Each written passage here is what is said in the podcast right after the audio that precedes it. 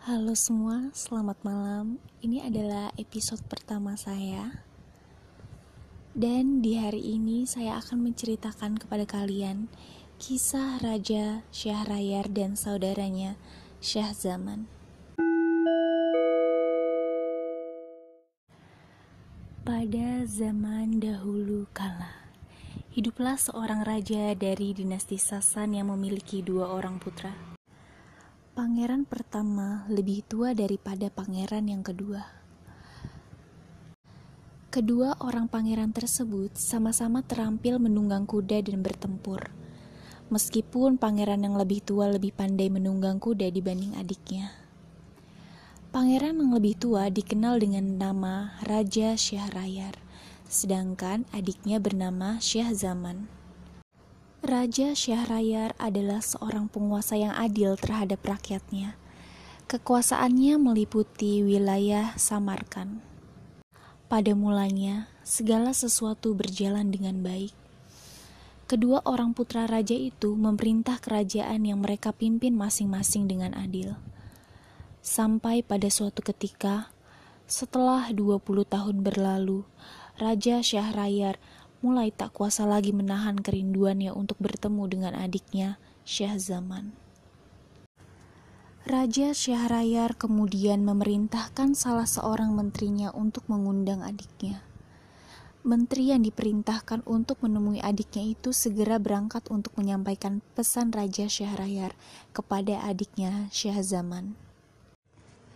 Setibanya di istana Syah Zaman, setelah mengucapkan salam, sang menteri menyampaikan pesan dari Raja Syahrayar bahwasanya beliau telah amat rindu untuk dapat bertemu dengan Syah Zaman.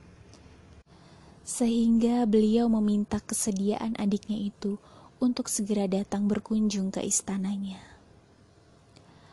Tanpa pikir panjang, Syah Zaman langsung menyatakan kesediaan untuk undangan kakaknya. Ia pun segera mempersiapkan keberangkatannya untuk menemui kakaknya itu. Syah Zaman bahkan langsung menunjuk salah seorang menterinya untuk menggantikan untuk menggantikan kedudukannya menangani berbagai urusan kerajaan selama kepergiannya. Belum lama setengah perjalanan dilaluinya. Tiba-tiba pada pertengahan malam, Syah Zaman teringat akan sebuah barang yang tertinggal di istana maka ia pun segera kembali ke istana untuk mengambil barang tersebut. Setibanya di istana, Syah Zaman langsung masuk ke dalam kamarnya. Bukan main terkejutnya Syah Zaman ketika di dalam kamarnya dia mendapati permasyurinya sedang tidur sambil memeluk seorang budak. Demi melihat kejadian itu, dunia menjadi terasa begitu gelap. Syah Zaman langsung mencabut pedangnya dan ditikamlah kedua orang yang telah berduaan di atas tempat tidurnya itu hingga keduanya tewas ketika. Setelah memerintahkan agar kedua mayat itu untuk segera dikuburkan, Syah Zaman kembali melanjutkan niatnya semula untuk mengunjungi kakaknya. Singkat cerita, Syah Zaman akhirnya tiba di negeri yang dipimpin oleh kakaknya, Raja Syahrayar. Bukan main gembiranya Raja Syahrayar menyambut kedatangan saudara kandungnya itu. Seluruh kota bahkan telah dihias dengan berbagai macam hiasan untuk menyambut kedatangan sang adik yang amat dirindukannya. Karena telah begitu lama tidak saling berjumpa, kedua orang kakak beradik itu langsung tenggelam di dalam perbincangan untuk mengobati rindu yang selama ini mereka rasakan. Tetapi rupanya hal itu tidak berlangsung lama karena Syah Zaman kembali teringat peristiwa yang mengoyakkan hatinya yang terjadi tepat sebelum keberangkatannya untuk menemui kakaknya. Mendung pun kembali menggelayuti wajah Syah Zaman. Mukanya menjadi pucat dan tubuhnya tampak lesu. Melihat ada yang tidak beres pada diri adiknya, Raja Syahrayar menyangka bahwa hal itu disebabkan oleh kepergian Syah Zaman ke istananya untuk bertemu dengan dirinya. Raja Syahrayar mengira bahwa kepergian adiknya dari negeri yang dicintainya itulah yang menyebabkan dia menjadi tampak kurang sehat. Raja Syahrayar pun membiarkan adiknya dan tidak menanyakan apa pun tentang hal itu. Setelah beberapa hari kemudian, ternyata kondisi adiknya tidak menunjukkan perubahan. Akhirnya Raja Syahrayar berusaha untuk menghiburnya. Adikku, ayolah ikut denganku untuk berburu, agar perasaanmu dapat kembali tenang. Ujar Syahrayar. Akan tetapi, Syah Zaman menolak ajakan kakaknya itu, dan Raja Syahrayar pun akhirnya pergi berburu tanpa disertai adiknya. Setelah kakaknya pergi berburu, Syah Zaman berdiri memandangi taman istana yang tampak dari jendela yang terbuka lebar. Dari balik jendela itulah tiba-tiba Syah Zaman melihat 20 orang budak perempuan keluar bersama 20 orang budak laki-laki. Dan tampak pula permasyuri kakaknya berjalan di antara budak-budak itu. Sang permaisuri terlihat begitu cantik.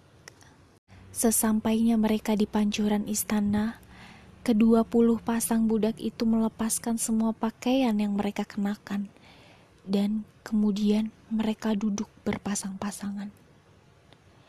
Terdengarlah sang permaisuri memanggil salah seorang budaknya. Wahai Mas'ud, kemarilah. Dan muncullah seorang budak hitam yang langsung menghampiri permaisuri. Permaisuri kemudian memeluk budak itu dan keduanya langsung bercumbu. Begitu pula halnya para budak yang lain mereka juga melakukan hal yang sama dengan apa yang dilakukan oleh permaisuri. Mereka terus melakukan hal itu hingga senja datang. Sementara dari balik jendela, Syah Zaman menyaksikan semua hal itu dengan hati yang masygul. Malam harinya, ketika Syah Zaman tengah menyantap makan malam, kakaknya Raja Syahrayar pulang dari perburuan dan langsung menemuinya. Raja Syahrayar terkejut karena dia melihat adiknya menyantap makanan dengan sedemikian lahap. Wajah adiknya itu tampak lebih segar dan sudah tidak pucat lagi. Ketika tadi pagi kau kutinggal berburu, wajahmu tampak pucat. Apa yang sebenarnya terjadi padamu seharian ini? Kau kini terlihat lebih sehat dan lebih bugar. Tanya Raja Syahrayar kepada adiknya. Syah Zaman menjawab, Kakakku, ketika kau memerintahkan salah seorang menterimu untuk mengundangku datang ke sini, saat itu aku langsung menyetujui undanganmu itu dan segera berangkat ke sini. Tetapi di tengah perjalanan, aku teringat bahwa permata yang akan kuberikan padamu ternyata masih tertinggal di dalam istanaku. Aku pun segera kembali untuk mengambil permata itu. Namun, tahukah kau apa yang terjadi? Setibanya aku di dalam istana, aku dapati istriku tengah asyik tidur berduaan dengan salah seorang budakku. Karena tak kuasa menahan amarah, aku pun langsung membunuh mereka berdua.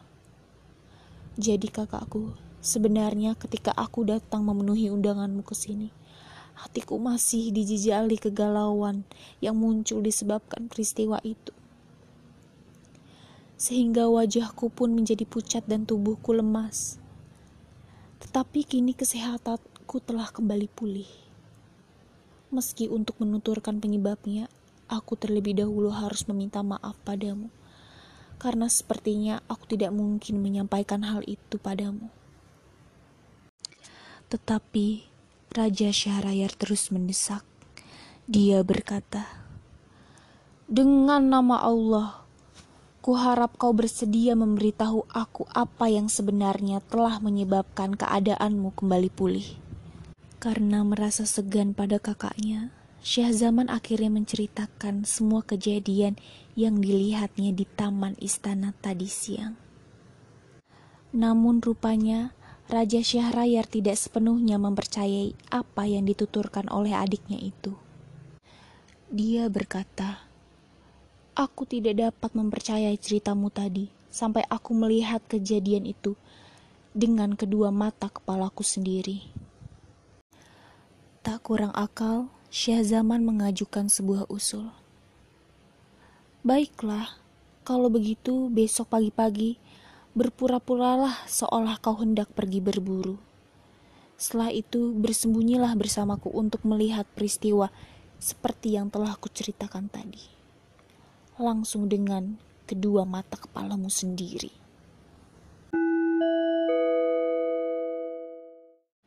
Bagaimana menurut kalian kelanjutan cerita Raja Syahrayar dan adiknya ini, Syahzaman?